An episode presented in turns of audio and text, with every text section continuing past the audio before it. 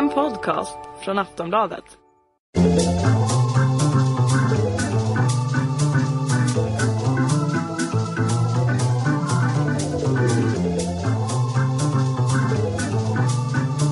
We don't need no education.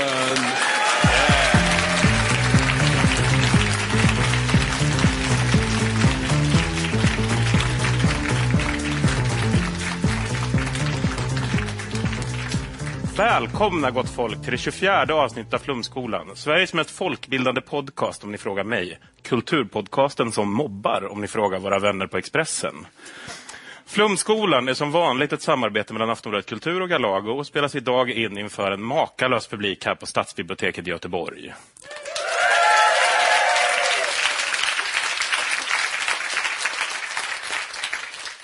Inskrivna hos mig i Flumskolan idag är Camilla Astorga Diaz, journalist och programledare i P3.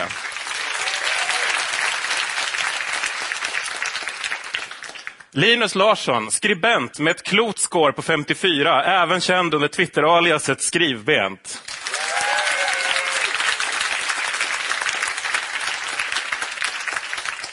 Ina Lundström, redaktör på magasinet Hunger.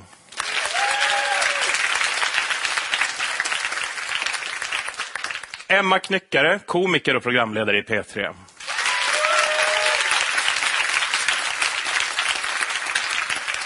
Och ständig studierektor här bland de lärde i Flum är som vanligt jag, Johannes Klenell.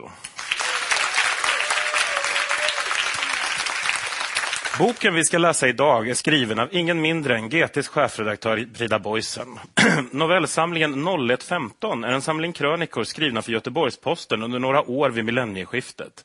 Novellerna handlar om, ja, lite vad fan som helst som skulle kunna hända vid klockslaget 0115. Och det är en hel del tydligen, för på sina 168 sidor hinner Boysen in med hela 70-talet urbana livsöden. 78. 78 för att vara exakt, ja. Så förbered er på en resa, god vänner. Kura ihop er ordentligt och häng med oss nu till, ja, eh, klockslaget 01.15. Många klassiska verk inleds med ett lika klassiskt första stycke som till exempel Han kom som ett yrväder en aprilafton och hade ett Höganäskrus i en svångrem om halsen. Eller Äntligen stod prästen i predikstolen. Församlingens huvuden lyftes. Så var han där ändå. Det skulle inte bli mässfall denna söndag så som den förra och många söndagar förut. Boysen inleder sitt verk med raderna En klibbig fläck. Han låg naken bredvid henne, alldeles nära, på ett klibbigt lakan. Vad vacker du är, viskade han och kramade hennes nakna bröst. Hon log, kände sig lycklig och varm, älskad och nöjd. Vill du ha lite vatten, sa hon. Han nickade och trevade efter tändaren. Hon trampade på deras slängda jeans och lyste fortfarande med sitt rosiga leende när hon gav honom det fyllda glaset. Så förstörde han allt med den där snabba blicken på klockan. Kvart över ett, jag måste gå snart, sa hon. Hur tycker ni att hon sätter tonen för boken ni just ska börja läsa? Säger du Camilla? Jag tycker ordet nära är någonting som Frida Boisen verkar uppskatta väldigt mycket. Um, jag har inte räknat, för jag har ett liv. Um, men jag tänkte särskilt på, det, alltså nära är verkligen något som också upprepas flera gånger. Man säger alltid, eller hon skriver alltid, tre snytrullar senare, fulla med gråt, somnar de, nära, nära. Um, tänker inte ens fråga vad en snytrulle är. För jag vill inte visa min okunskap när det gäller just kroppsvätskor. Um, men just nära känns som ett ord som hon kanske... Uh, lite så kill your darling-vibe på den. Snytrulle, tror jag, är om du är väldigt förkyld så tar du med dig en toarulle till sängen och så snyter du dig. Och vad du gör eftersom du inte kan kasta tussarna är att du pressar in dem i toarullen tills den är alldeles, alldeles full med papper. Vem gör så? Ja, Men kanske framförallt i någon sorts pargräl. Det är rätt imponerande mycket gråt som ska till. Gör ni så här? Eh, det känns som en väldigt dålig ursäkt, Johannes, till att ha en toarulle på sitt nattduksbord. Det känns som oerhört genomskinligt, tycker jag. Men... Jag har Absolut, jag aldrig köper haft det. en toarulle i sovrummet. Jag hade hoppats på att du skulle kapa efter toarulle. Men jag tycker det finns någonting här också som eh, sätter tonen väldigt mycket för boken och det är att eh, han greppar hennes bröst. Alltså vi, eh, hon, hon placerar oss väldigt tydligt i början av 2000-talet Boken kom ut 2003, men redan där så tycker jag att man märker av att det är, vi är någonstans runt millennieskiftet när brösten var king liksom. Idag greppar ingen bröst längre, folk greppar rövar.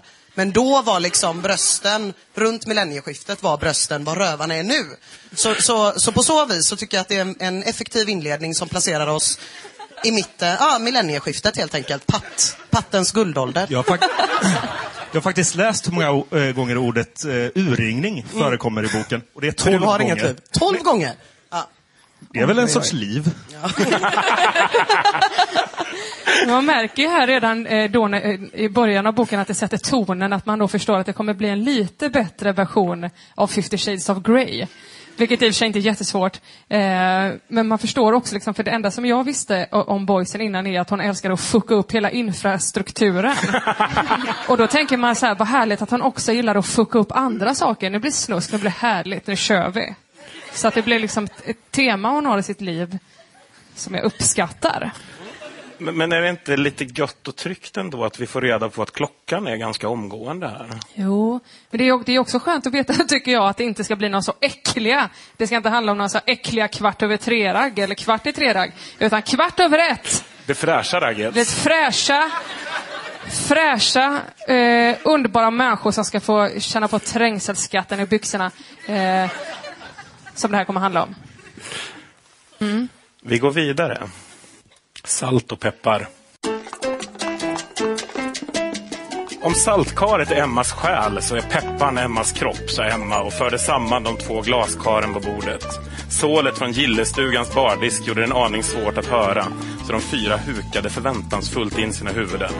Iv över bordet med blickarna som karen som skulle förklara hemligheten med hur man lyckas med sin trohet. Om Emma ser världens läckraste kille på fest och dansar med honom, skålar med honom och skrattar åt hans skämt så betyder inte det att Emmas kropp inte har lust att sätta på honom, sa Emma och viftade med pepparkaret. Det är egentligen allt kroppen vill göra, men eftersom Emmas själ, sa Emma och viftade med saltkaret, vet att hon har världens bästa kille hemma som hon älskar så tar saltkaret till slut med sig pepparn hem. Emma tittade med en triumferande min uppåt de tre djupt imponerade ansiktena. Emmas ord var inga man skojade bort hur som helst. Inte ens klockan kvart över tre en fredagsnatt. Eller kvart över ett en fredagsnatt. Eller kvart över ett en fredagsnatt. Till skillnad från övriga runt bordet som på sin höjd lyckats hålla ihop i fyra år med en och samma partner hade Emma lyckats hålla ihop med sin darling i minst tio. Och hon kunde fortfarande se sådär mystiskt Mona Lisa-kär ut när hon log och pratade om sin älskade där hemma. Alltså, vad är det som är så jävla djupt imponerande med Emmas utläggning istället? Ja, men alltså, ha, hur många här inne har varit på, gillestugan finns ju inte kvar. Men eh, jag har varit där ganska många gånger när det fanns och jag hade blivit jävligt imponerad om någon hade pratat i så fullständiga meningar eh, på gillestugan. För det var liksom inte, det, det var inte go-to-stället helt enkelt. Ehm, ja, jag är imponerad. Vad säger du Linus? Eh, jag hängde inte med i metaforen riktigt. Det är för komplicerat för mig. Så, så jag är väl lite imponerad ändå. På något sätt. Vad säger du Camilla? Ja, Jag, tänker, jag är lite inne på Inas spår. Så här, hur full är man när man ställer fram ett saltkar, ett pepparkar och liksom ska visa för sina kompisar vad man egentligen menar? liksom, ofta förstår man ju när någon beskriver så jag skulle vilja gå hem med någon. Ofta brukar man ju använda saltkar när man visar hur man ska begå ett bankrån. Vanligtvis. Men på en skala från 1 till 10 på universums största skohorn för att få in klockslaget 01.15 i precis varenda jävla novell. Vart lägger ni Frida Här vill jag faktiskt säga en sak. Eh, vi ska vara rättvisa mot henne. Hon, an, hon nämner 01.15 i varje novell, alla 78. Men hon varierar sig faktiskt. Ibland säger hon eh, en timme och 15 minuter efter 12. Men det är väl svinhärligt att ha en röd tråd? Alltså, för jag fattade inte, det tog väldigt lång tid för mig innan jag förstod att den röda tråden var 01.15, även om det är titeln på boken. Eh, och det skulle väl vara härligt alltså, om fler saker hade det. Till exempel eh, ett tal av Carl Bildt eller vad som helst. Om man bara kände, ja det här var det lätt att följa med. Det tycker jag hon ändå kan, kan få. Vi går vidare. Ja. Ja. jag ger henne också det. Nej men jag fattar inte heller. Faktiskt. Men ni den är, det står ju på framsidan. Ja, ja, men vem orkar läsa framsidan? Det är insidan som räknas. Just det. Just det. Vi går nu till det kapitel som kallas för Sista pizzan. Kommer du ihåg Marco?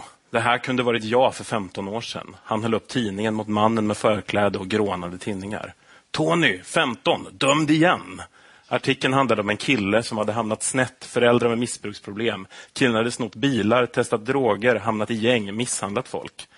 Alltså, boysen har ändå jobbat på GP några år när den här boken kom ut. Men alltså, trodde hon verkligen att en nyhet såg ut så här då? Trodde hon också att 15-åringar blev dömda flera gånger? Tony, 15, dömd igen. När dömdes han första gången? När han var 11 typ. Det är därför det är en nyhet. Ja, sant, sant, sant. Men det är ändå härligt. Hon kanske har missat den lilla detaljen, men hon har ändå plockat upp den stora detaljen att alla kriminella har y-namn. Det får man ändå ge henne. Nu för tiden är, är det en del IE också, har jag sett. Oj, Jennie. Har varit på Spicen. Men, men Fröjden är väl lite här i den här boken också, att man märker att rubriker är någonting som Frida Boysen verkligen älskar. Alltså, hon kanske inte riktigt har fått blomma ut som den nyhetsjournalist hon verkligen vill vara. Jag vet inte om ni reagerade på vad novellerna faktiskt heter. Jag har lite exempel. Jag har mina favoriter här. Big time party. Sju män i slips. En gris och två solstrålar. Vårtan på rumpan. Alltså de här är så bra. Två chorizo. 15 par blickar. Och det här är min absoluta, absoluta personliga favorit. Sexuell analys av Volvo personvagnars personalstab. Klassanalys. Förlåt, ja, klassanalys. Men jag ser ju verkligen potentialen här. Hon har ju så mycket i sig som hon inte har fått visa på GP då. Och så äntligen får hon chans att skriva det här under premissen 0115, men det är egentligen bara rubrikhets. Vi fortsätter. Var skulle jag vara... Fan, nu fick jag titta på bort. Jag kommer låta som Johan Wanlo nu, men det, det kommer. Uh, var skulle jag vara utan dig, Marco? Skulle jag vara kvar i kriminaliteten? 30-åringen sänkte tidningen och tittade med blanka ögon på mannen bakom disken. Deras blickar möttes och under några sekunder som kändes som en evighet mindes de det där de aldrig pratat om. Hur den 17-årige Gabriel sprungit in i butiken i slutet av 80-talet, hotat med Marco med pistol och hur Marco sagt ”Skjut mig då!” Hur Gabriel tvekat, hur Marco blixtsnabbt tvingat ner Gabriel på golvet och sagt åt honom ”Antingen ringer jag polisen eller så börjar du jobba här, hur ska du ha det?” Alltså, går anställningsintervjuer i Majorna till så här?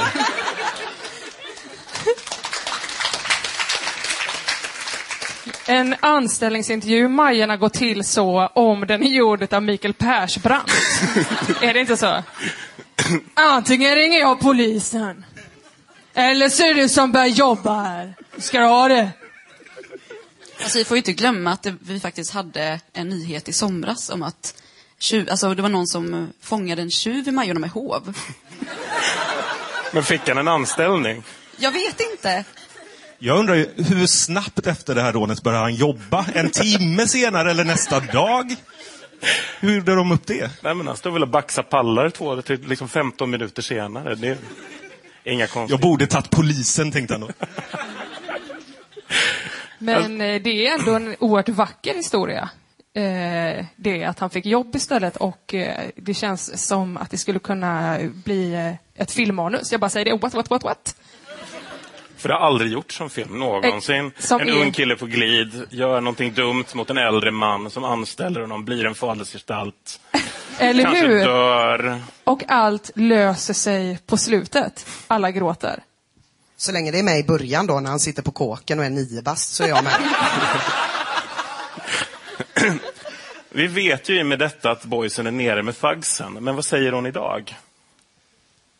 Det sades ju här då från eh, GP här att, att det var en brist på att man inte hade lokalredaktörer ute i förorterna. Eh, Hur, hur bevakar ni förorterna? Ja, de bevakar vi ju hela tiden när det händer någonting. Det är ju nyhetsdrivet mycket. Eh, men just när det gäller förorterna så har vi också gjort en satsning som heter Stoppa skotten. Eh, vad vi känner är ju att, att många göteborgare verkligen brinner för den här frågan. Man blir oroad. Det finns väldigt många i Göteborg som älskar Göteborg. Och det känner jag det är grunden i all journalistik vi gör på GT. Det är älska Göteborg. Och då kan vi fråga oss, har hennes analys ändrats något sedan hon skrev det här vid millennieskiftet? Sa hon stoppa skotten? Eller skotten? Det är väl att hashtags inte fanns då, Nej. typ. Men vad, vad svarar hon då liksom, när hon ska komma med en lösning på det här problemet? Om man nu vill hjälpa er, hur skulle man kunna göra? Vad vill ni ha för typ av information?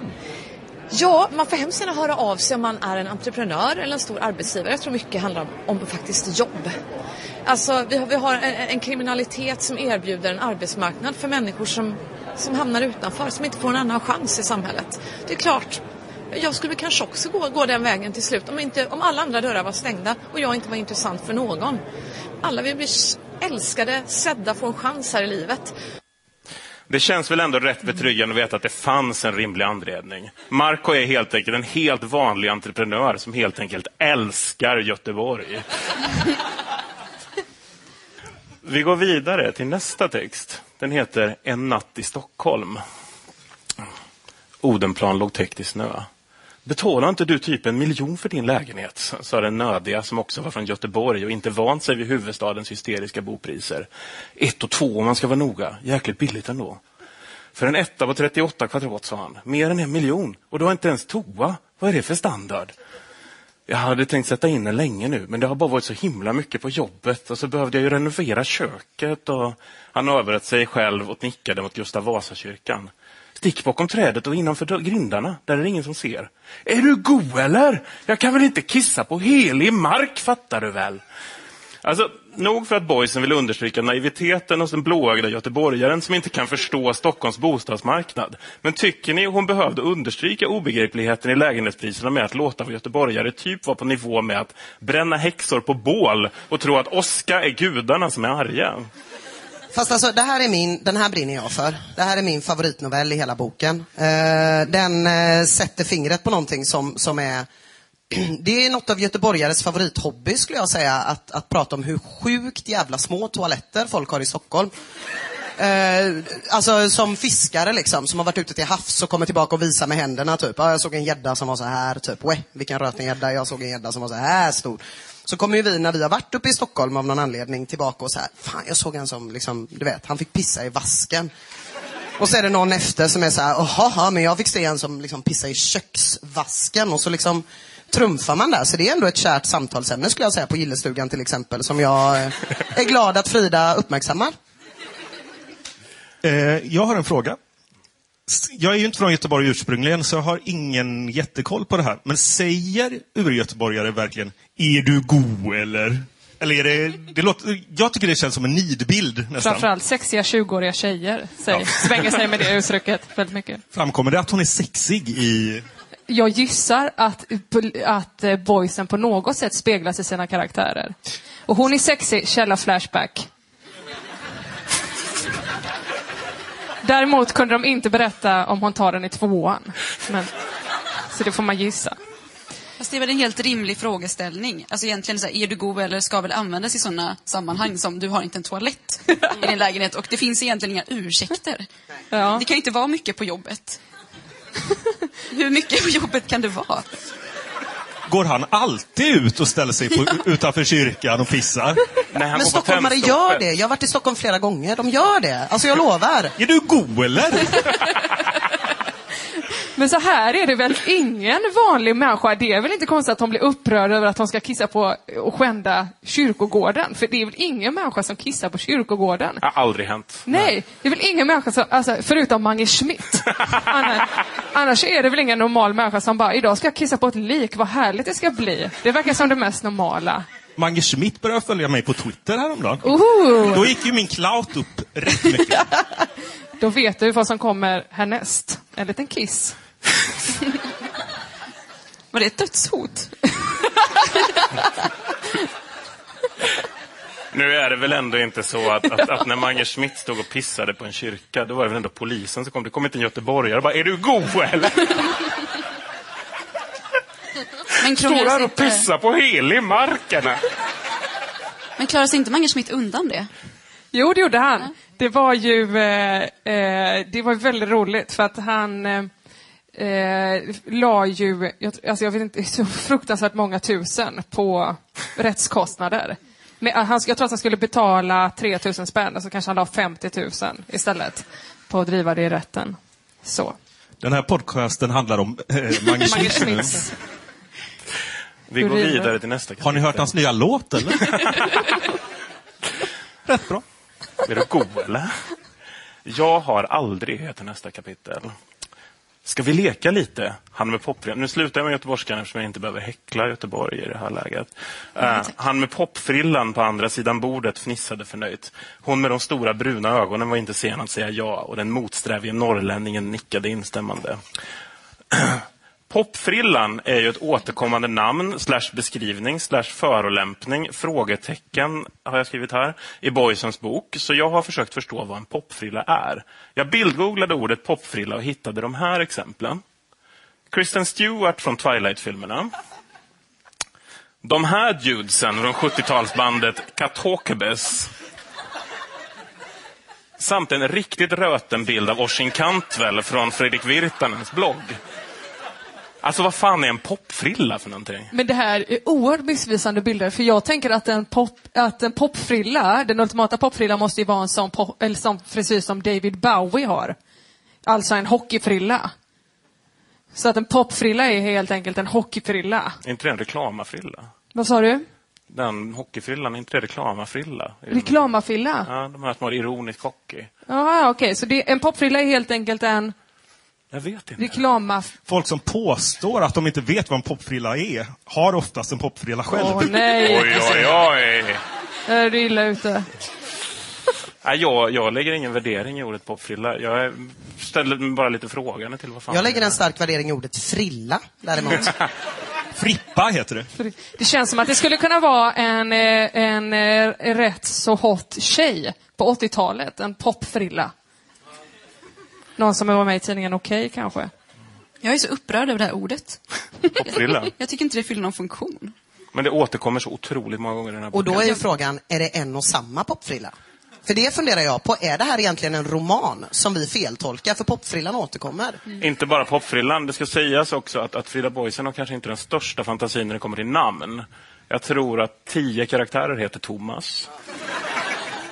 Fem heter Mats åtminstone. Mats är oftast den snälla killen på ett eller annat sätt. Popfrillan dyker upp. Paul dyker upp två olika. En i ett kapitel i taget. Den ena hänger med Stockholms-Erik. Den andra är Stockholms-Paul. Eh, Men det finns bara en mellanchefs-Malena väl? Ja. Eller? Mellanchefsmalena är ganska sam... Jag tror att ofta när de får de här attributen som singelemma till exempel. Singelemma återkommer i... Eller nej, då är det någon annan som bara har singel. Och sen... vi återkommer till det här. Det, det, det kommer faktiskt lite senare. Vi fortsätter med texten. Nu kom norrlänningen på en fråga han undrat över länge. Vem på jobbet är det du aldrig hånglat med? sa han och tittade på popfrillan. Men så kan du inte fråga. Eller jo, det kan du, men du får inget svar, sa frillan. Så här då, jag har aldrig haft sex med Anna. Nej, du får inte gå igenom alla på mitt jobb. Varför inte det? gnällde norrlänningen. Man är väl en gentleman, sa frillan. Norrlänningen stönade. Klockan hade blivit kvart över ett. Det var dags att gå hem. Inte nog med att han framstått som kvällens eunuck som aldrig gjort något skoj och som dessutom var den enda av de tre som var singel. Nu fick jag inga detaljer att drömma vidare om heller när han dök ner i sin ensamma säng. Där undrar jag en sak. Vad, är det, vad är det han vill ha för detaljer att drömma ner sig? Vi kommer till det alldeles strax. Okej. Ja, det, vi ska sluta den här nu bara. Det är en mening kvar. Äh, Nu fick jag inga detaljer att drömma vidare om heller när han dök ner i sin ensamma säng. Världen var grym. Hon med de bruna ögonen såg på norrlänningen och försökte läsa hans tankar. Sedan insåg han att hon att en av de mest etablerade världssanningarna var en lögn. De upptagna var inte alls de bästa. Alltså, sensmoralen med den här berättelsen. Han försöker pressa arbetskamrater på info om vilka på jobbet de legat med för att ta med sig hem när han dyker ner och har det lite gött hemma. Och om vi skippar Hugo Rask-debatten för en stund och utgår från något så orealistiskt som att detta inte är verklighet utan kanske sedelärande fiktion. Märkte ni något alls med den här norrlänningens själsliv som pekar på att han är bland de bästa? Eh, jag skulle vilja säga att han är ju arketypen för den här schyssta killen som typ står i ett hörn, gnäller över att ingen vill prata med honom eftersom att han är gubbtråkig. Uh, går hem, väser att alla tjejer är horor på vägen. Uh, knattrar in mobilnumret till alla sina ex, ringer och flåsar, är ett jävla as. Och sen typ, alla snälla tjejer, varför inga tjejer, jag är så snäll. Den, exakt den jävla arketypen är det. Och de har också alltid popfrilla. Så där är inte alla snälla killar.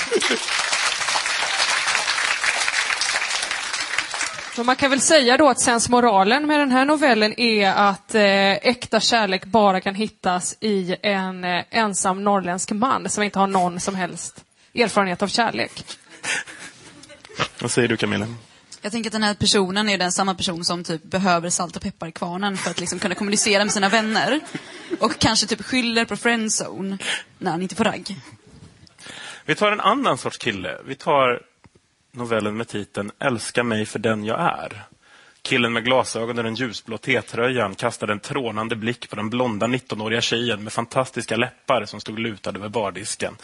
Så nära att han kunde känna hennes värme. Han borde gjort en ansats att säga något men kipade bara efter luft. Missbelåtet vände han sig mot vännerna i hörnet. Jag är så dålig på att ragga, sa han högt och vresigt i sin krets. En flickvän till en av hans vänner som stod i cirkeln erbjöd sig att ge några lektioner. Säg som det är, att du precis gått ut Valand och att du är konstnär. Killen med glasögon och den ljusblå T-tröjan skakade på huvudet. Alla tror bara att man snackar skit. Tjejen började om. Prata om det hon dricker. Tjejer dricker ofta annat än öl. Han sökte med blicken i hennes drinkglas och tittade triumferande upp. Jag vet, så här. Du, om jag får smaka det du dricker och jag gillar det köper jag två till, dig, till. En till dig och en till mig. Gillar det inte så kan du dra. Han flinade. Kompisarna som lyssnat skrattade fascinerat. Lite kul var det, som ett trick. Och ingen hade hört det förut. Alltså, känns inte det här lite som att de här gänget blev så sjukt impade av salt och pepparliknelsen innan? Varför är det liksom så här... Varför blir de här människorna så jävla imponerade över saker? För att det är bra grejer. Det är ju eh, verkligen tonårs, olika tonårsspaningar. Eh, som eh, man minns själv, liksom, att det var så här, oh, här kommer du med livserfarenhet. Valand. Ja, men Men precis. sen när funkar det som raggningsreplik? Bland tolvåringar. Det är också helt otroligt. Han kan inte berätta att han är nyutexaminerad konstnär från Valand, för det är ingen som tror honom. Den här boken kom ju 2003. Neil Strauss släppte först 2005 boken The Game. Tror ni den här Valandsnubben blivit en bättre eller sämre människa efter det? Han behöver ju uppenbarligen inte the game. Han är ju fullärd redan. Han kanske är en sån som håller kurser i game nu. Kanske. I Frida Boisens nästa bok. Det kanske var han som skrev den. Man skulle vilja veta hur det var eh, om hon skrev en bok nu, för att om detta liksom är olika slags eh, tonårsspaningar. Eh, hon var ju liksom ändå nästan 30 när hon skrev den. Så man skulle vilja liksom se hur en bok såg ut om hon skrev den nu. Vad den skulle handla om och så vidare. Trängselskatten. Antagligen. Antagligen. Men på den här nivån.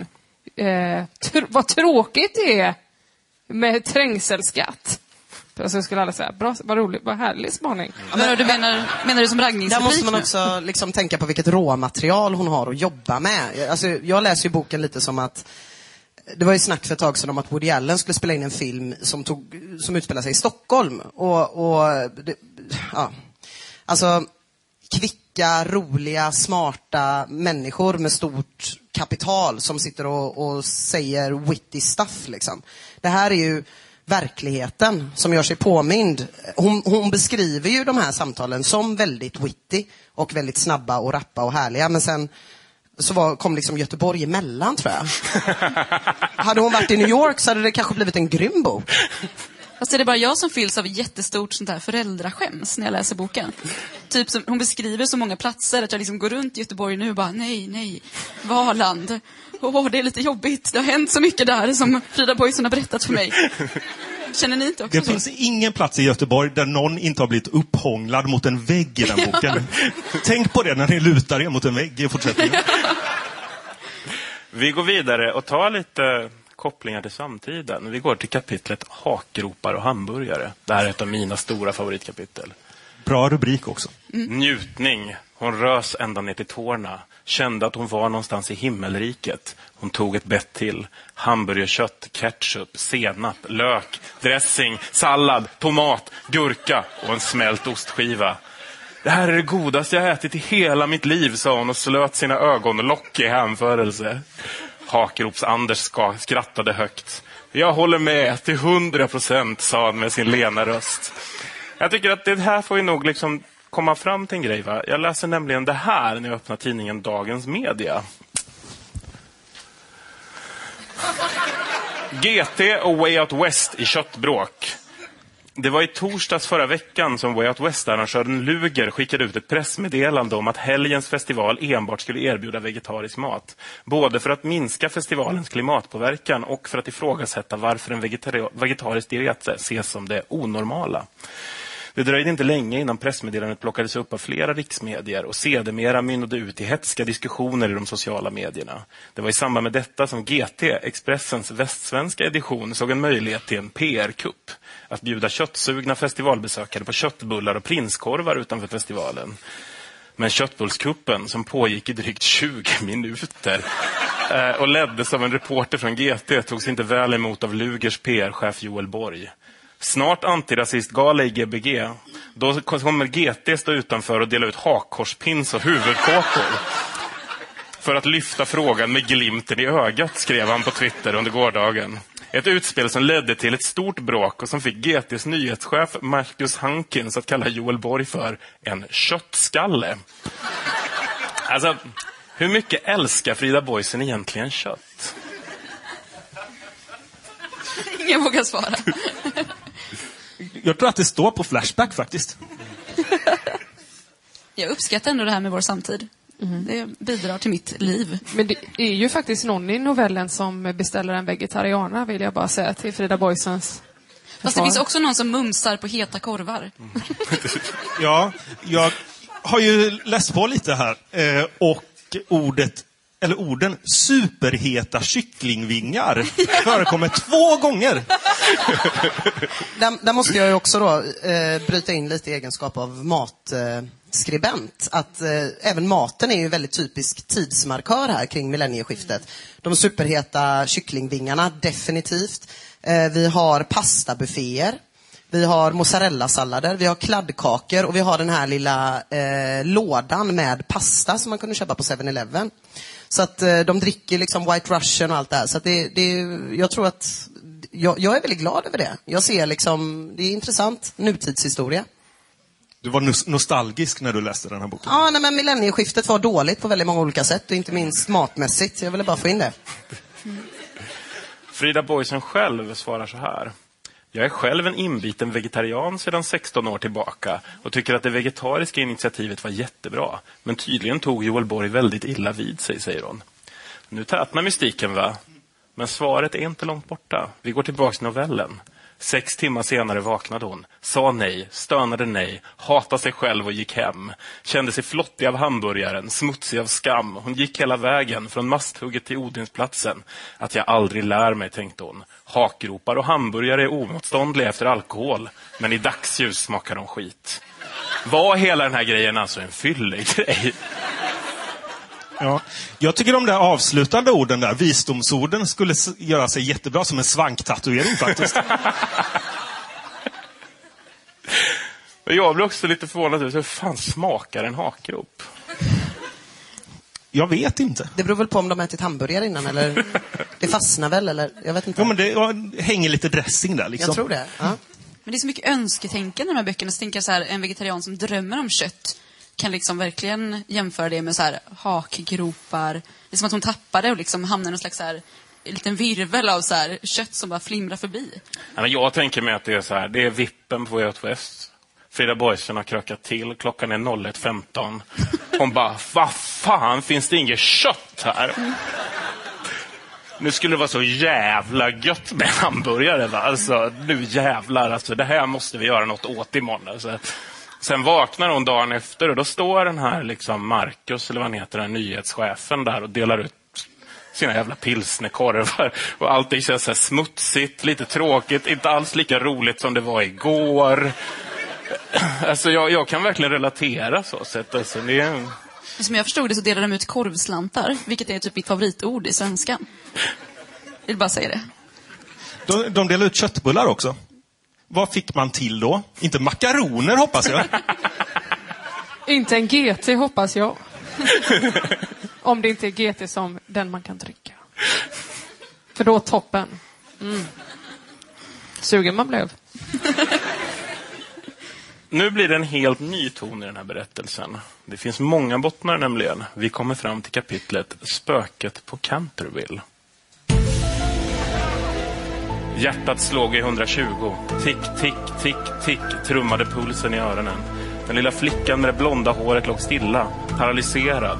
Hon avskydde att vakna mitt i natten, mitt i mörkret, av det, av ljudet. Hon hade aldrig sett det, men hon visste att det fanns. Kände hur det också höll andan, på andra sidan rummet. Förmodligen bakom skrivbordet. Bara hon låg absolut blickstilla och inte andades kunde det inte, det inte anfalla. En tyst överenskommelse dem emellan. Hon öppnade högerögat pyttelite, kissade genom, kisade genom ögonfransarna. En kvart kvar. De permanentkrullade blonda hårstråna höjdes upp och ned i takt med snarkningarna. Högre och högre sågade sig ljudet genom natten tills det abru- helt abrupt avbröts av ett smackande ljud. Strax tassade hon rutinmässigt genom lägenheten på väg till toaletten. Katten vaknade till, hoppade ner från soffan, strök sig längs hennes ben. Jamade uppfordrade. Men är du inte klok? Vill du ha räkor mitt i natten? Men katten jamade denna gång än mer bedjande till svar. Fem minuter senare hade hon skalat tre räkor som katten under högljutt spinnande mumsade i sig. Själv tittade hon på, och tittade hon på och drack en kopp te. Nej, ska vi gå och lägga oss igen, Misse, sa hon. Plötsligt fräste katten till. Köksklockan stod på midnatt. Mitt emot henne i stolen satt han. Han hade aldrig känt sig så gammal.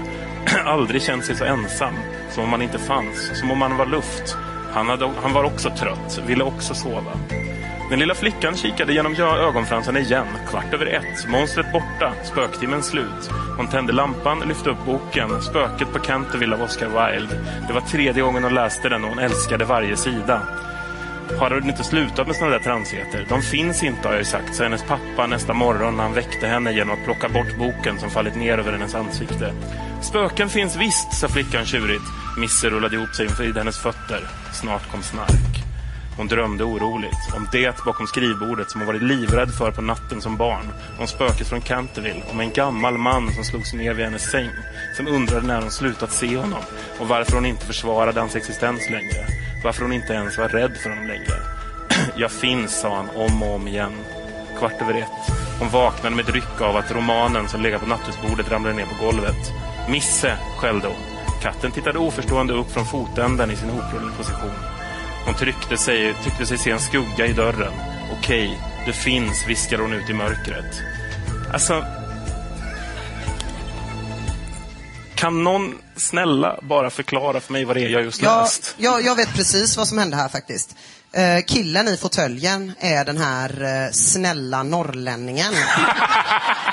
som eh, är en schysst kille och aldrig får några brudar. Som eh, går och hälsar på ett ex, mys. Myser lite i fåtöljen en sen kväll. Jag finns. Se mig! Jag är snäll, se mig! Det är det som händer. Det här, det här det är väl ändå ett barn? Ibland. Ja, ibland. Alltså, det är, pins, är det pinsamt att erkänna att man inte förstår eller hänger med i handlingen i en två sidor lång novell? För jag gör nämligen inte det. Men jag tror eh, att det du precis har läst Johannes är det enda eh, kapitlet som inte handlar om män. Eller det handlar ju om män, men det, handlar, det är kanske är det enda kapitlet som inte handlar om att ha sex med män. Och eh, du lyckades ju få till eh, snusket ändå. Så grattis. Det var det enda kapitlet som inte var besudlat. Du lyckades. Jag har läst den här boken fyra gånger. Jag är hyfsat hjärntvättad om man säger så. Nu blev det spökligt. Märkte ni lamporna slocknade? Uh-oh! Jag är så ledsen över att Aftonbladet var det väl som hade en spökspecial med Samir, Anna Bok och vem det nu var mer. Att de inte fixade in Frida Boisen som uppenbarligen ser saker. Ja, men jag, jag tycker på något sätt att det är så här, det, alltså den här novellen är ju i sig någonting man skulle skicka till så här, något så här mysterieprogram där de reder ut det märkliga i världen. Alltså så här, det okända eller något sånt där. Alltså för att, för att jag fattar fan ingenting. Alltså så, jag, jag kände verkligen så. Jag, jag ska erkänna, Linus, du, du är något på spåren där ändå. För att det, var inte, det här var inte enda gången jag kände att jag hade läst två sidor och faktiskt inte förstod vad det var jag läste. Nej, det hände några gånger faktiskt. Men jag tycker inte att man ska beskylla boysen, eller boysen för det nödvändigtvis. Det kan ligga hos oss också. Eh, tänker jag. Hur då? Ja, men vi kanske är dumma. Ja, Okej. Ja, Eller så är de, det- eller så är de göteborgare hon skriver om fullständigt ologiska. Det skulle ju kunna vara så. Ja, Kanske för att man inte fick någon plats heller. Om det var inte förankrat i en typ en spårvagn som plats. Så kan man liksom inte föreställa sig vart det är någonstans. sant. Ja, det är jobbigt, därför ibland är det i Stockholm, ibland är det i Göteborg. Det är jobbigt med de här mellantingen där man inte vet. Det här som befinner sig i, i liksom gränslandet mellan andevärlden och verkligheten. Spöken så- finns ju bara i en av städerna. Så. Brukar man, man i Göteborg mata katter med räkor? Färska räkor? Och om det är ett barn, varför mat, eller hon skalar räkor då? Hon går upp på natten och Ja, det- skalar räkor. Ja, är det inget Fan barn? vad kavat alltså. Nej, jag, jag, Men kom inte hennes pappa in? Nej, det är en annan Jag tror det på morgonen, strax innan hon somnar. Jag fick för mig att det var ett barn för att den läste sagor och klappade en katt. Ursäkta mig. Det är sånt som barn. associerar med barn. Sitter hon också en timme och en kvart då och väntar på att det här spöket ska säga något mer? en jag finns. Ja, för, för, för blir klockan någonsin kvart över ett i det Ja, här? det blir den. Aha. Spöktimmen är slut. Jag blev lite, lite rädd där ett tag. Nej, vi hoppar på någonting lite mer begripligt. Nu blir det supa igen. Eh, Nollan heter den här novellen. Punchen kommer, punchen kommer, ljuv och sval. Linda skrålade med så att rösten höll på att brista, som min gör nu. Ansiktet lyste rött och de gungade från sida till sida i armkrok med sina bordsgrannar. Sittningen hade varit jättelyckad. Hon var nolla och det kändes bra. Handelspubben var fullproppad med långbord. Snett mitt emot henne satt hennes fadder Mats, lika snygg som vanligt. Efter punchen bankade han på sin toastmastertrumma. Och nu, mina damer och herrar, är det dags för ett fot-3S-sång. Vad fan är det? Spex och skrålarna att säga till sitt. Tio killar och tjejer i illgula overaller reste sig från sina platser och ställde sig på scen. De verkade samla ihop sig, tittade ner i några papper. Han som bestämde räknade till tre, sen började killarna gapa. Hejsan tjejer, är ni våta? Varpå tjejerna svarade. Jajamensan, vi är kåta. Hejsan killar, har ni stake? Jajamensan, upp till taket. Vilka galningar! Linda skrattade, fadder-Mats skrattade. Fem minuter senare reste de sig och halvsprang i riktning mot puben. Det finns så himla mycket att säga här. Men behövde verkligen de här handelsspexarna manus för att komma ihåg en ramsa på fyra meningar? Jag har gått på Handels. Jag har gått på Handels. Ja, är svaret.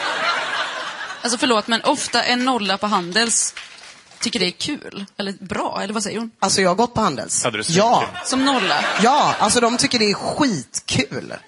De tycker det är skitkul. Jag fick Inte alla inbjudan- Handels. Nej, okej. inte alla handelsstudenter. Men jag, jag läste på juristlinjen en gång i tiden.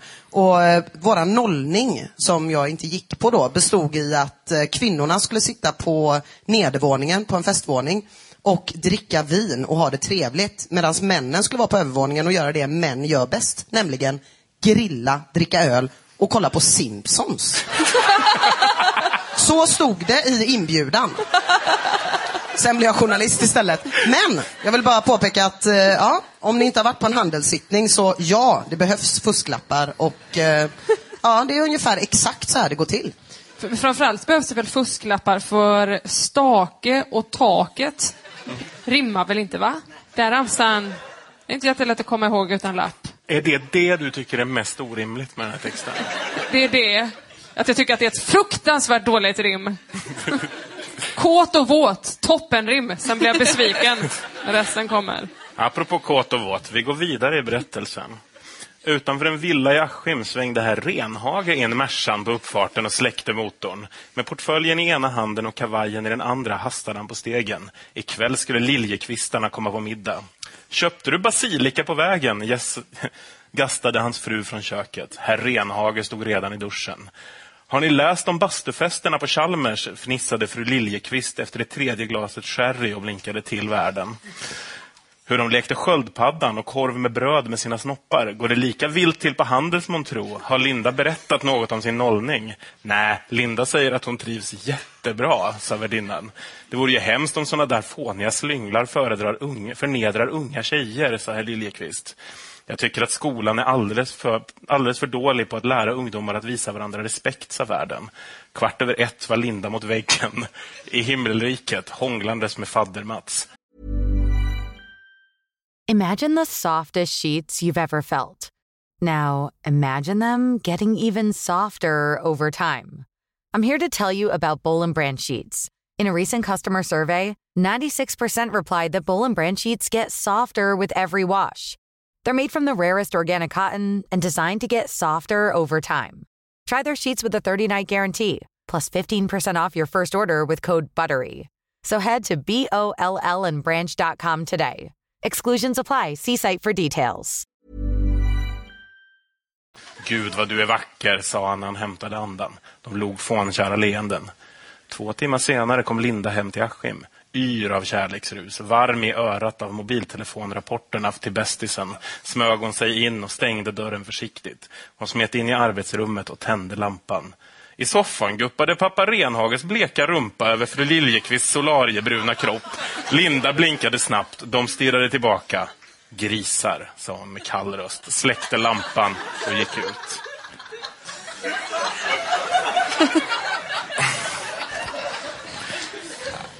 Kan jag få en sensmoral här? Jag tror sensmoralen är något i stil med Du ska icke anklaga Tonnis för att snuska när du med eget arsel guppa. Ja, det var inget bra rim. Men det behöver man tydligen inte ha. Nej, men vad lär vi oss av det här? Mamma och pappa Renhage och Liljekvist är swingers. Vad har det med att hon har hånglat med fadder-Mats att göra? Men det var ju, det var ju, eh, han, de satt väl hemma först och pratade om sin vidriga tonårsdotter. Att Nej, hon hon, hon gick ju på på med Handels. Det var ju Chalmers de pratade om. Det är helt obegripligt. Ja, jag har verkligen inte hängt Jag med. lovade att det skulle bli mer begripligt. Det var ju ännu värre. Ja, men jag förstår inte. Det, liksom, får man inte så här lite känslan av att boysen är så här en mycket moralisk människa? Alltså inte så här moralisk som i serietidningen Bamse, utan typ snarare Gamla Testamentet. Inte, inte konsekvent genom hela boken.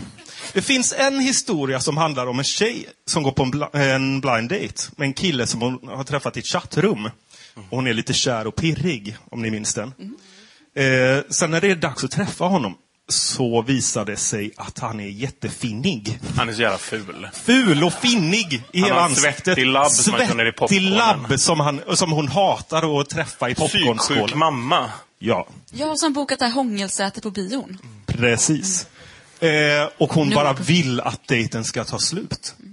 Eh, och det gör den till slut. Och då eh, stänger hon dörren efter sig och tänker, aldrig mer blind date. Är det här bristande moral, tycker du? Eh, jag tycker väl att hon skulle få lära sig någonting där. Lite av ett svin, absolut, men går hem i Gamla Testamentet. In, anytime. Men jag har faktiskt inte finns- läst den boken. Är den bra eller? Nej, jag. Händer allt 01.15? För annars hänger inte jag med. Varför finns inte hångelsäten kvar på bion? Då undrar man om det är att eh, boysen liksom haft en folkomröstning om det. Att det är så, ta bort det. Finns ju inte. Men hon eh, är ju, eh, har ju en oerhört stark moral på det sättet att hon hatar orättvisor. Eh, både i boken men också orättvisor så som att betala skatt. Och det tycker jag liksom ändå så, förutom det där att hon hatar fula killar. Men som väl är ändå bra moral. Hyfsat. Vi går vidare och nu får vi känna på farten och flärden i Göteborg. Vi går till kapitlet VIP. Puss! Lill-Babs labbade armarna runt sin älskling Micke Bindefält. Hennes chockrosa fjädrar viftade i vinden. Flashigt, glamourigt, precis som det skulle vara. Hon pussade Micke på kinden med inlevelse. Älskling... Lill-Babs är mer så... Älskling... Nej, jag kommer inte dit. Det, det, det, det är mer kaffe för den. Eh, älsklingen, rop, utropade hon. Han tindrade, vände sig om till pressfotograferna och sa Jag älskar Lill-Babs. Blixtsmattret överöste dem. Tidningsredaktören stod i kön bredvid, vred lite på sig. Vad hade han här att göra?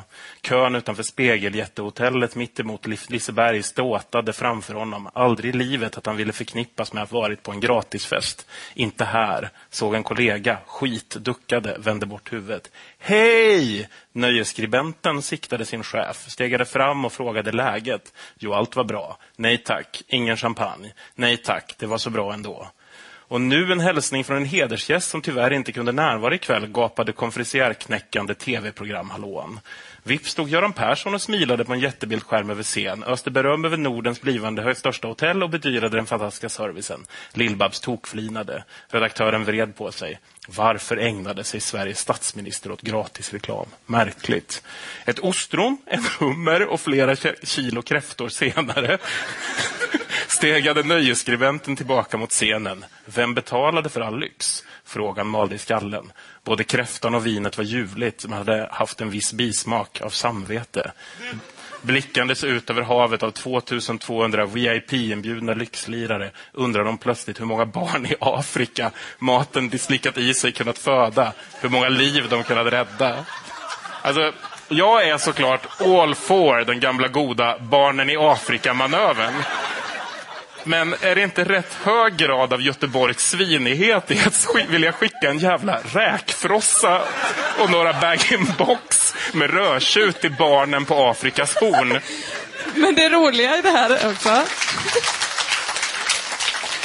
det, ro det, roliga är också att precis efter att ha beklagat sig över svältande barn i Afrika så beklagar hon sig över att Robinson-Bubba tränger sig i matkön. Vänta lite. Föredetingen Robinson-Bubba skriver hon till och med. Jag tror bara hon rabblar upp alla kändisar hon känner till i den här berättelsen. Vadå Lill-Babs och Robinson-Bubba och Bo Kaspers Orkester? Ja. Fast jag vill ändå säga att det, det är, den typen av fester som ändå inte finns längre i Göteborg. Jag menar, vi har ju bara Pagrotsky nu för tiden som är på fest.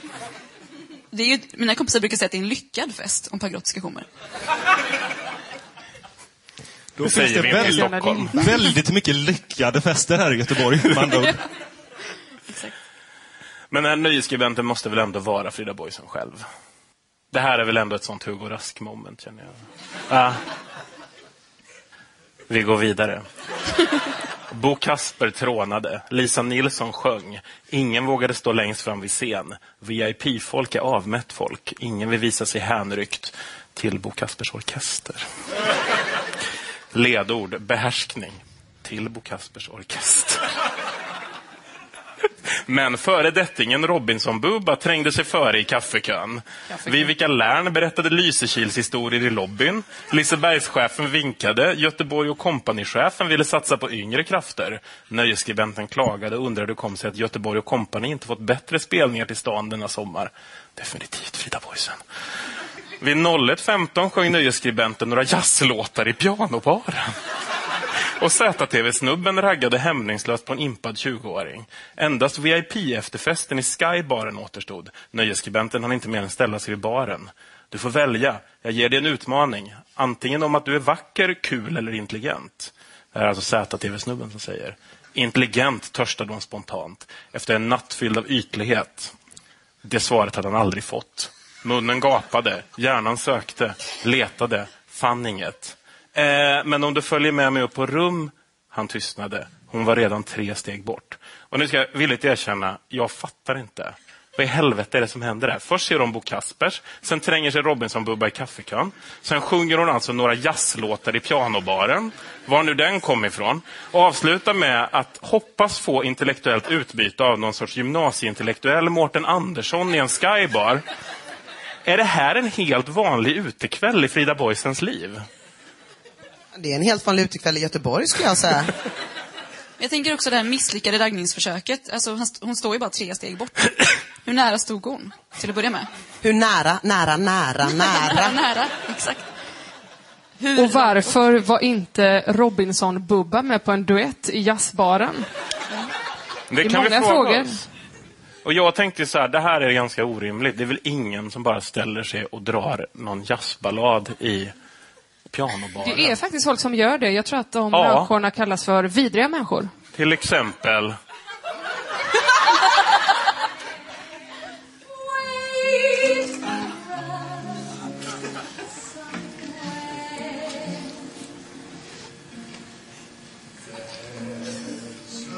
Är det Bubba som kommer nu? Är det Bubba? Fan.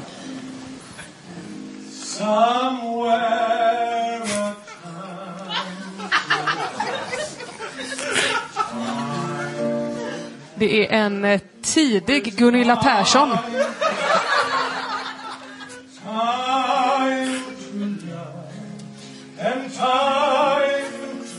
Är det Jonas Sjöstedt? Nej, det är no Nej.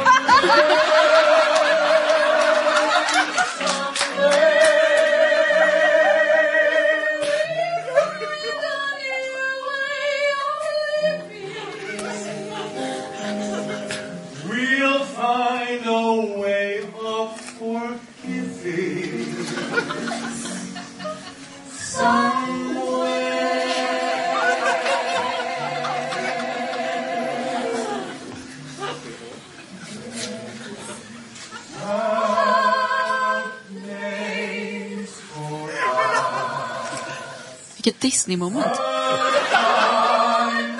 Och tänk att det uppstod helt spontant.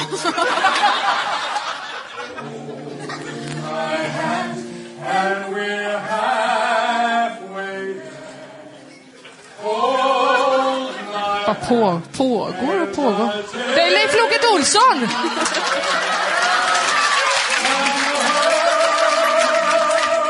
För er, er som behöver syntolkning.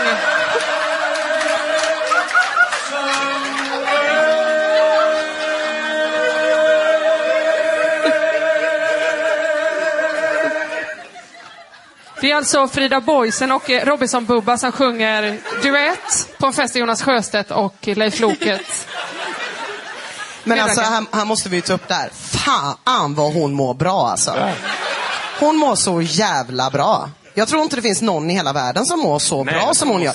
Här, liksom, jag har ju gått runt hela dagen och varit lite ja, bra nervös för att man ska sitta här på en scen och liksom, man sitter och ifrågasätter sig själv och varför ska jag vara där? Och så ska man ta plats och det är jobbigt och du vet, det ena med det tredje och så går man igenom en massa sånt i sitt huvud. Så tänker aldrig Frida Boisen.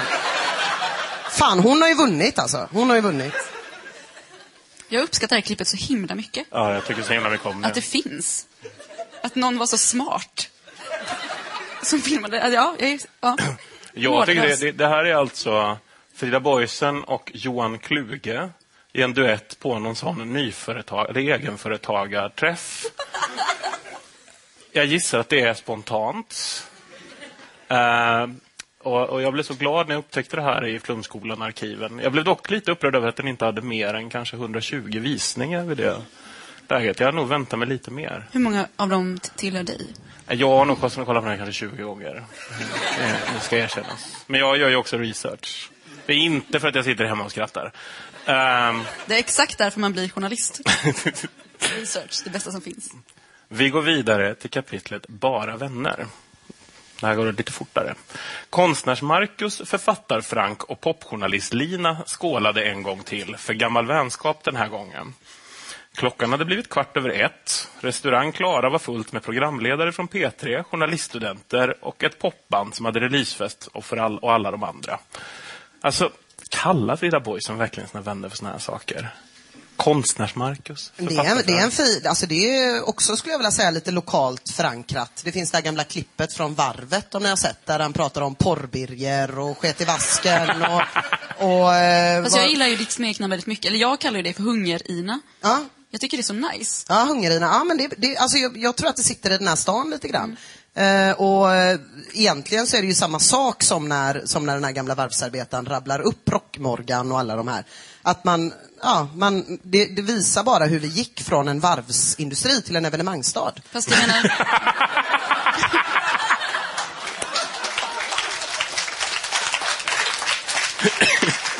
Jag är ju från Uddevalla och där har ju folk namn som Proppen och sånt. Så jag uppskattar ju mycket mer att man får ett namn som faktiskt har någonting med det man gör att göra. Istället för en konstig anekdot om någonting som hade hänt för 16 år sedan. Vi går på kapitlet Nattdjur. Du kan byta om på toaletten, sa han. Vakten i läder tog emot biljetten och pekade in mot klubben. Jessica drog ett djupt andetag och gick in. Musiken fick golvet att dunka. Snart midnatt och hundratals människor trängdes i mörkret. Men inga jeans, inga tråkiga tröjor eller långa kjolar. Jessica kände hjärtat slå snabbare. Hej kissemiss, sa en man i hundhalsband med nitor, nitar, kedjor och lädershorts. Jessica tyckte han liknade sura granen. Grannen, var det han? Hon hade hamnat i en annan värld, i fetischvärlden. Mitt på en krog inom vallgraven i Göteborg, mitt i något hon inte trodde var sant. Biljetterna hade hon fått av Erik för en timme sedan. Hade blivit nyfiken. Jessica kryssade fram till baren och hamnade mellan en rödhårig sjuksköterska med böra bröst och en präst i läderkåpa med hål för skinkorna. Har du bra. eh, film på när Frida Boisen är på den här festen också? Nej. Jag har aldrig varit på ett sådant ställe förut, bekände Jessica för prästen. Det finns inte. Underbart, en oskuld, skrattade han. Prästen sänkte rösten och kröp närmare hennes kind. Du är otroligt läcker, katten. I vanliga fall hade Jessica sagt åt killen att lägga av. Men här var alla regler satta ur spel. Hon frågade istället vad han jobbade med. Jag jobbar på posten. Och Ange här pluggar på Handels, sa prästen och smög armen om sjuksköterskan när de blottade brösten. Jessica klunkade ivrigt i sig drinken. Hon fattade ingenting. Men folket här verkade ha kul. Alla skrattade. Hon beslöt sig för att stanna. Bara lite till. Kände sig säker bakom sitt kattmålade ansikte som hon improviserat fram med ögonskugga och kajalpennan. Som om katten smittade av sig, lockade fram nattdjuret i henne.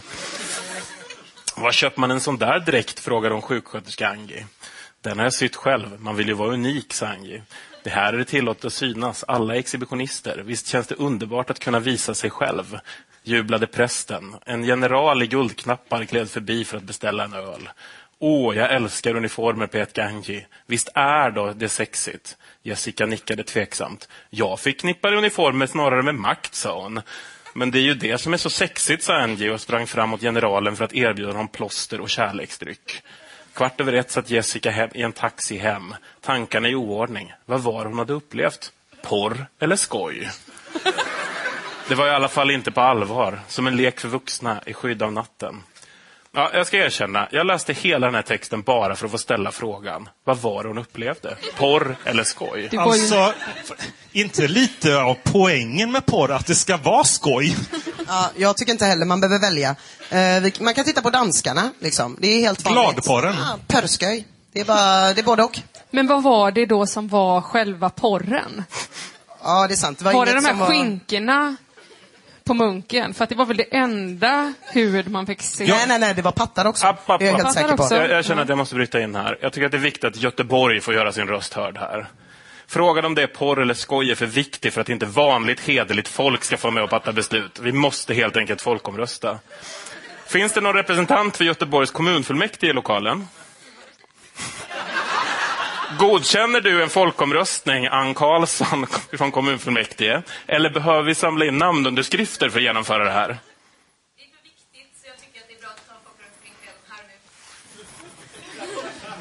Det här är underbart.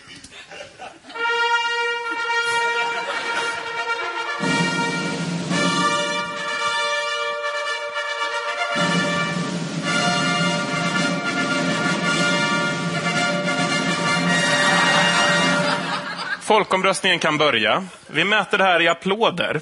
Ni som tycker att det var skoj applåderar så högt ni kan när jag frågar om det var skoj. Ni som tycker att det var porr applåderar så högt ni kan när vi frågar det. Emma Knyckare, du räknar rösterna. Det är du som är den. Nej, ja, du får rösta. Alla får rösta. Det är ett demokratiskt val. tack. Snälla. Men du ska fortfarande läsa av. Ja, absolut. Då börjar vi med, var det skoj?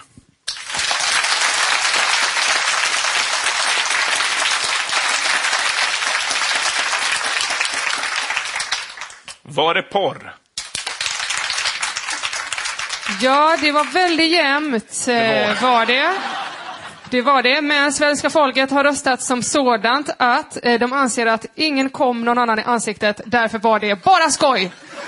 Just det. Fuck oss i eliten som sitter här och har åsikter om dittan och dattan. Göteborg har talat.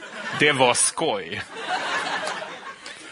Vi går vidare till kapitlet Gabriels Förlåt, dilemma. jag vill inte avbryta. Men vill man inte alltid ha det här lagom alternativet också för folk som inte vill välja? inte det typiskt svenskt? Fan också. Jag Säger det inte det till vägvalet? Nej, jag säger bara att eh, porr och skoj borde ju vara ett, al- ett alternativ. Porr och skoj? Ja. Okej, var det porr och skoj?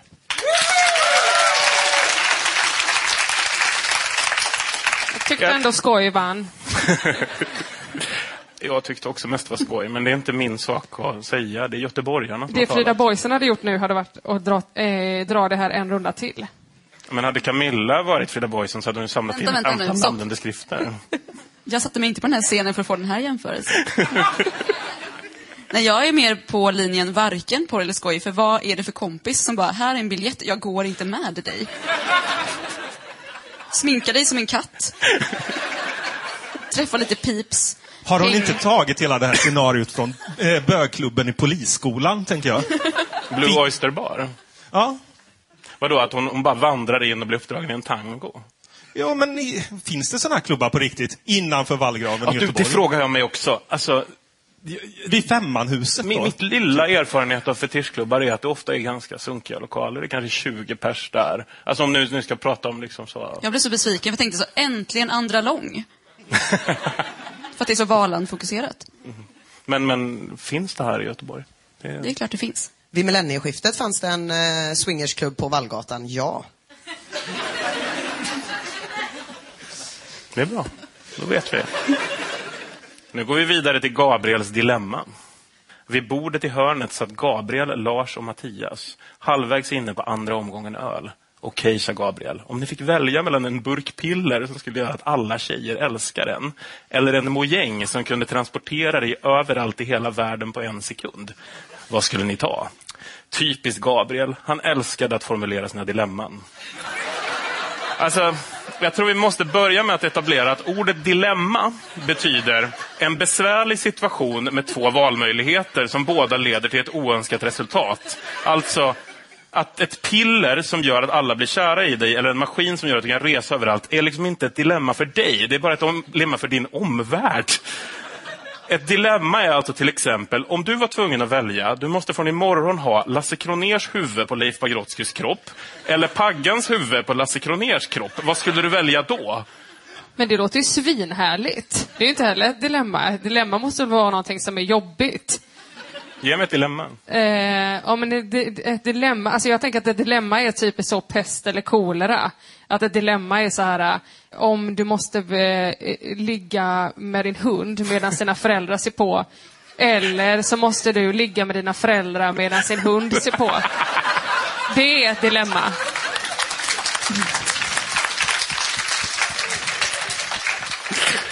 Så, men det kan ju också vara jobbigt. Det kan ju också vara ett dilemma, typ så här, ja okej du får välja mellan att ta ett svingott piller, eh, typ eh, Spice eh, och så goa kokspiller eller vad fan, jag är ju en dålig knarkare. Eller så får du eh, åka tids... Får du resa vart du vill. Det kan ju vara skitjobbigt. Åka på charter, det alltså man kan ju missa flyget. Man kan, så det kan ju vara ett dilemma beroende Så på man- hur, vad man har för inställning till Om man livet. bott i Latinamerika så vet man att backpackers är de jobbigaste som finns i universum. Ja. Och de tycker antagligen det också, efter ett tag. Tänk att bara hamna där helt plötsligt. Mm. Vidrigt dilemma. Ska jag välja? Bland hippiebyxor och såna här små bollar de ska hålla på och gripa. Hackesex. Ja. Just som klockan ovanför bardisken visade 01.15 bestämde sig för Mattias för att våga sig på en framstöt i baren. Hej, sa han och försökte se så nykter och sexig ut som möjligt. Hej, hej, sa blondinen. Om du fick välja mellan en burk piller som skulle göra att alla killar blev superförälskade i dig, eller om en Är det Rohypnol? Jag tänker också det. Det är jävligt obehagligt där. Eller en mojäng som skulle ta dig vart som helst i världen på en sekund. Vad skulle du ta? Hon tänkte ett ögonblick. Enkelt. Burken. Om alla killar blev helkära i en på beställning skulle man kunna få allt i världen. Resor över hela jordklotet, drömjobbet, skivkontraktet, allt. Eller hur? Geni. Mattias log. Han var kär. Alltså varför läser jag ens det här? Men vad har hon för erfarenhet? Hon har ju uppenbarligen inte stött på den här snälla stalkerkillen från Norrland. Jag menar, är hundra sådana kära i en så är det väl inte som att allt är så jävla gött om man åker över hela världen. Då sitter man hemma och trycker och väntar och aktar sig för snälla killar resten av sitt liv.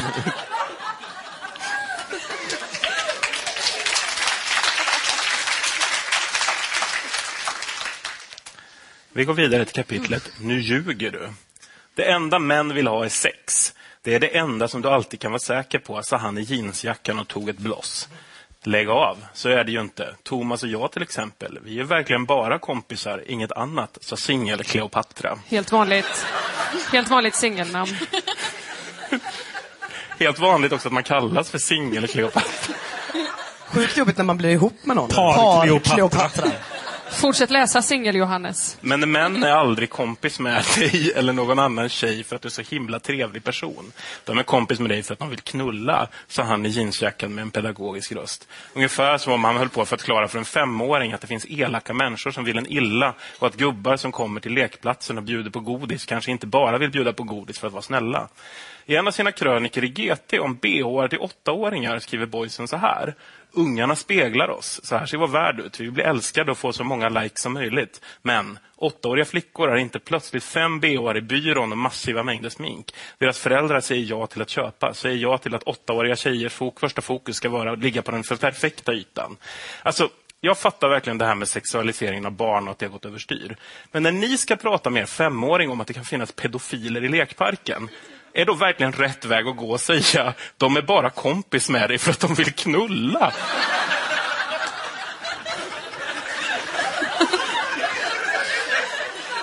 Det är, väl, det är väl ett mycket bättre sätt att säga det på än ta aldrig emot godis av en främmande man. Man bara, vad är det för sjukt du säger till mig? Ja. Någon vill ge mig gratis godis, jag har 20 spänn i veckopeng. Någon vill ge mig godis, är du helt jävla dum i huvudet? Det är väl framförallt... Istället för att säga så här, eh, prata inte med han för han vill knulla sönder dig. Okej, då fattar jag. Då var det tydligt. Det är väl Absolut. framförallt ett jävligt mycket bättre sätt att säga det på än så som hon gjorde i sin krönika, det vill säga genom att slutshamea femåringar.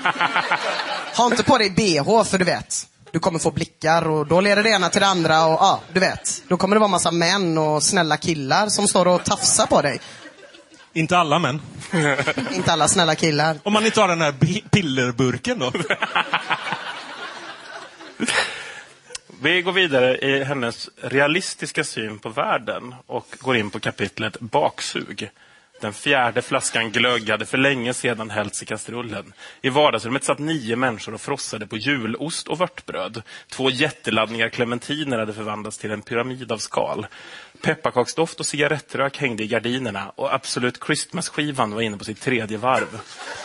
Värden, som i början av kvällen egentligen inte känt sina gäster så väl, fick ur sig frågan han haft på sina läppar i en timme eller så.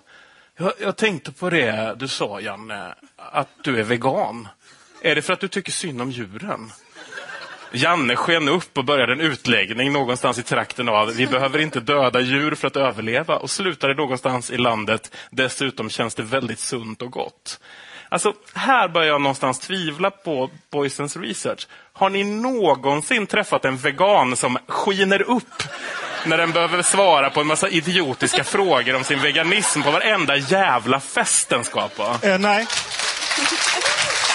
Jag, jag, jag, har ald, jag har aldrig träffat en vegan som skiner upp. Men å, å andra sidan, har ni någonsin hört talas om en vegan som är vegan för att det är så himla citat sunt och fräscht?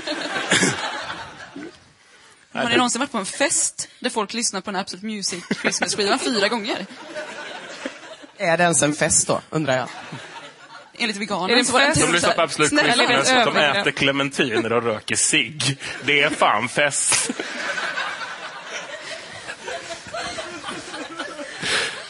Vi går Var det vidare. en fest eller ett övergrepp eh, du skulle ha på lördag? Eh. Okej, för det brukar vara när du har fest, det är väldigt svårt att skilja på, skilja på det.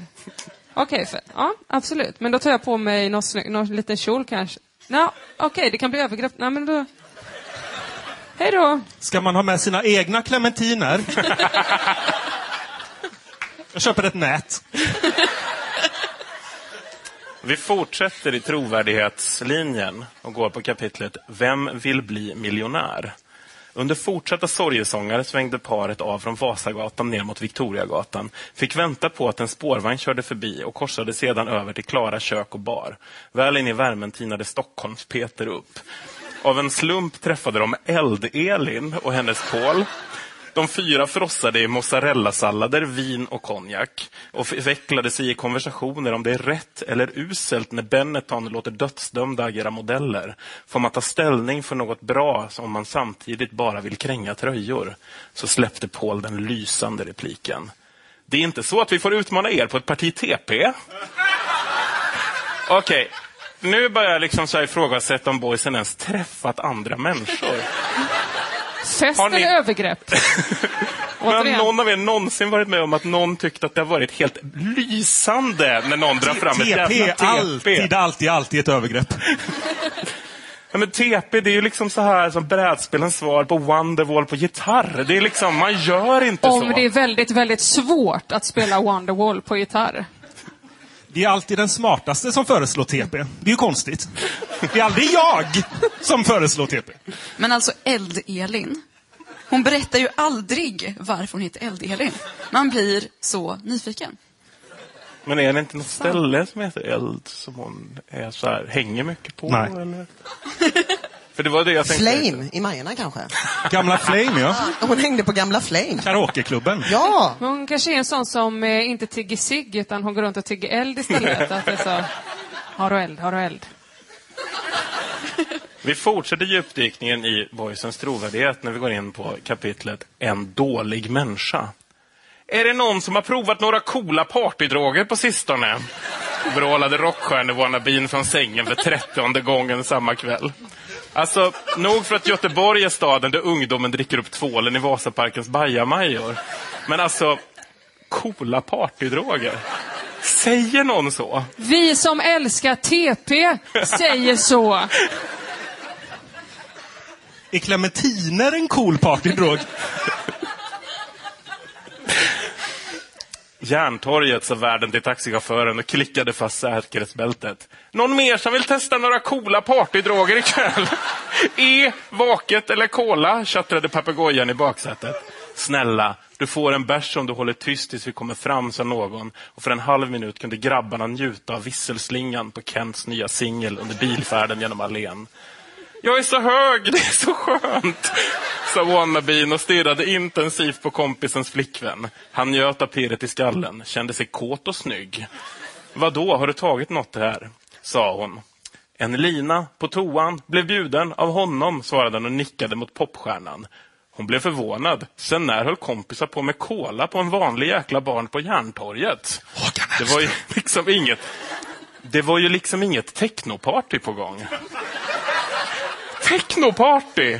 Alltså, vem fan är det som skriver det här? Anton Abele och Karl-Bertil Jonsson? Precis. Alla vet ju att det är rave man tar partydroger på. Olika... Inte techno. Man måste veta plats om man ska ta sina partydroger. Jag skulle för sig vilja säga att om man kommer ut från en bar eh, på Järntorget runt millennieskiftet utan partydroger i blodomloppet så har man ju lyckats på något vis. Det är annorlunda nu alltså. Ja, ja, jag minns inte millennieskiftet. Det var så oerhört mycket partydroger då. Och technofester. Men är det samma personer som säger diskjockey, tänker jag? Jag tänker också att det kan vara lite samma människor.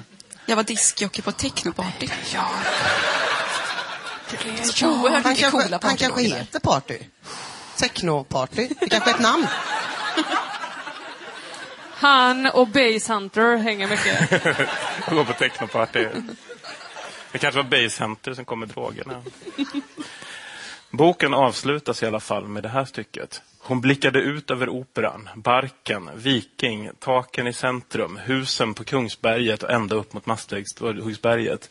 Hon stod länge tills hon var alldeles säker på att staden lyssnade. Nu hör du noga på Göteborg.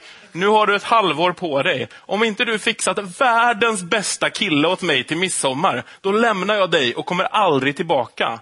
Hör du det? ropade hon och stan pustade till med en förskräckt vind. Hennes fråga försvann snabbt i snön, men hon visste att han, någon, lyssnat. Kvart över ett satte hon nyckeln i låset hemma på hissingen, såg ut genom köksfönstret. En stjärna full. Föll. Full. Ja, vi avslutar den här lilla tillställningen med att ta en låt till av Frida Boysen. Va? Och nu jävlar blir det technoparty. Eh, vi, vi ska... Magnus och Frida igen. Ja, det är dags för Magnus och Frida igen i Case. Och det blir låten eh, This is my life. This is my life. Det är en ung E-Type. Det där är Cliff Wedge, förstår ni. Eh, Magnus Kilberg som han heter egentligen. Nu, nu är det technoparty. Är det någon som har några coola partyfrågor? Oj, popstjärnevinkeln.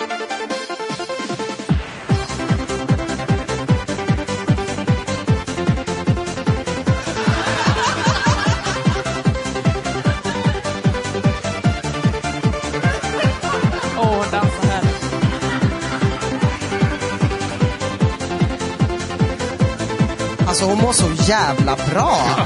Det är helt sjukt.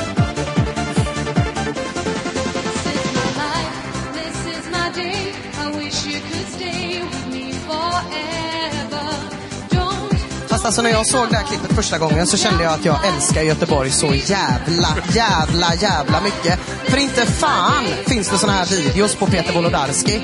Det finns det inte.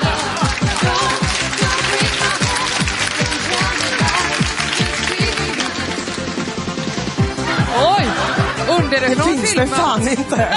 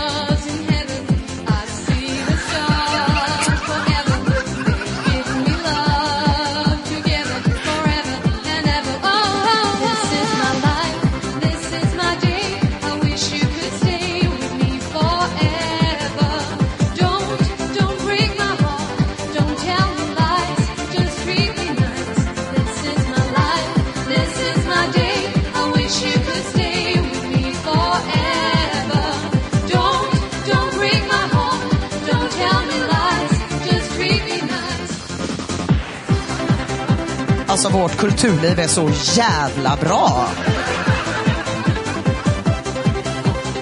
Jag fattar inte att de lägger ner kultursidorna när det här finns. Ja, men precis. Medan Peter Wolodarski satt och spelade schack och lyssnade på typ Brahms. Så gjorde Frida Boisen det här. Alltså, vi är så jävla bra i Göteborg. Det är helt sjukt. Men...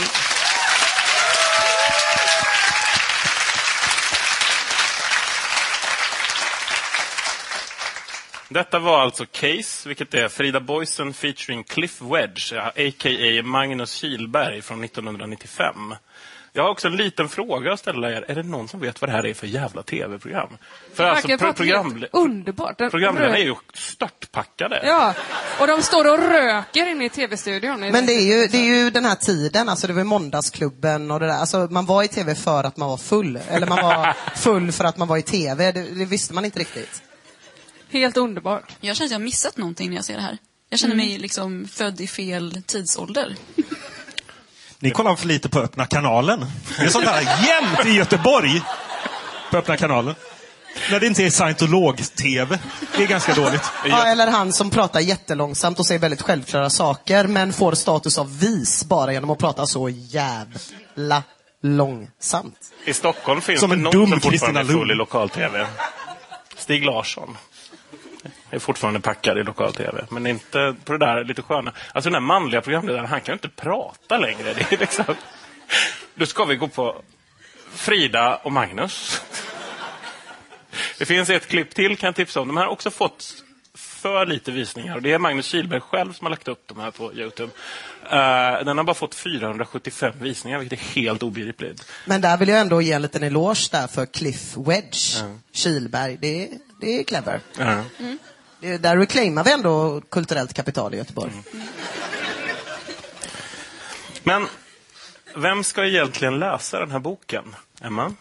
Eh, ja, om jag bara får välja en så tar jag väl eh, Robinson-Bubba. För att... Eh, Menar du han föredettingen? Jag tror att det kan vara enda eh, skönlitteraturen där han omnämns faktiskt. Det är inte helt säker, men läs den Bubba om du hör detta. Ina? Eh, Jag tycker att Peter Wolodarski ska läsa den, absolut. Han, eh, han kan få lära lite av hur kul det kan vara, hålla på med media och kultur och sånt. Jag tycker alla ska läsa den här. Den är faktiskt kul. Jag tyckte den var bra, spännande, mycket romantik. Tre av fem. Camilla? Och det är en jättesvår fråga. Eh, Men jag är, ja, jag är på Linus linje. Jag tycker att alla ska läsa den så att, så att biblioteken köper in den. Önskar den så man kan få låna den flera gånger istället för att läsa den här supermini-formatet på pdf. Det vore asgött. Jag tycker ändå att den stundtals är briljant. Filmatisering vill man se. Eller en ny bok, helt enkelt. Men skulle samma person spela alla popfriller eller skulle det vara olika då? Också svårt att veta hur man skulle få med Robinson-Bubba och framförallt vad det skulle kosta. CGI-effekterna för det spöket kommer att vara helt enorma. Men alltså uppföljningen, jag är så nyfiken på vad Frida Boisen skulle kunna göra med ett normalt klockslag. typ så här, kvart i sex. Hur många gånger kommer på liksom ekot vara med då? Ja, men till exempel. Mm. Men vad har ni lärt er av att läsa den här boken då? Camilla? Att man kan skriva vad som helst.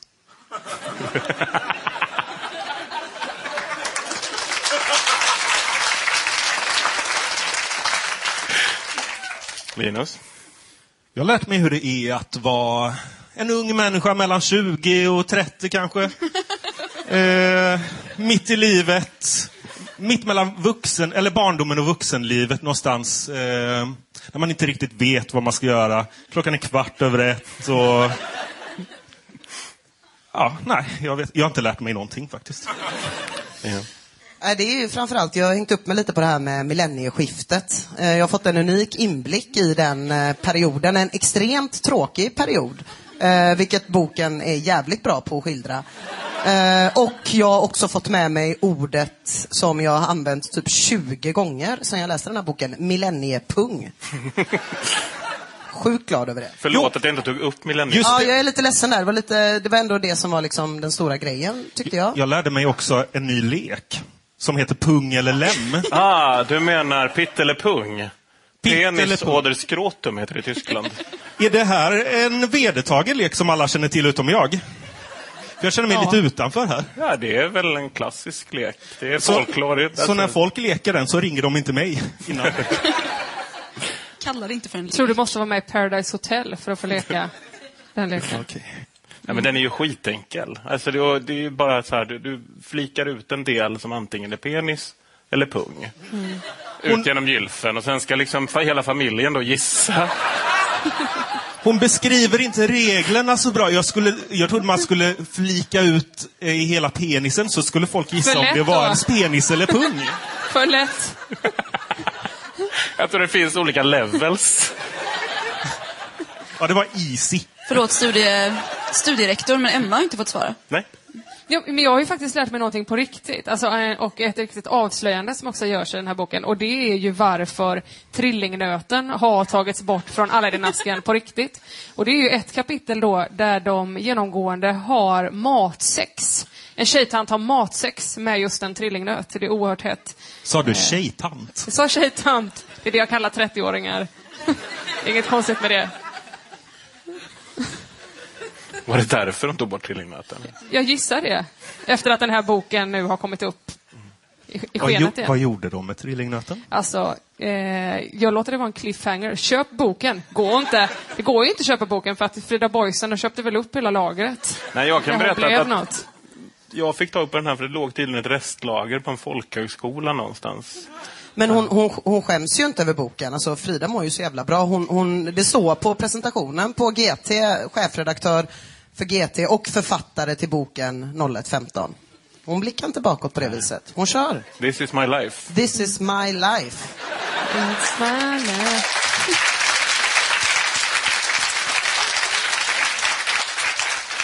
Förlåt, men den här folkhögskolan, var det kurslitteratur?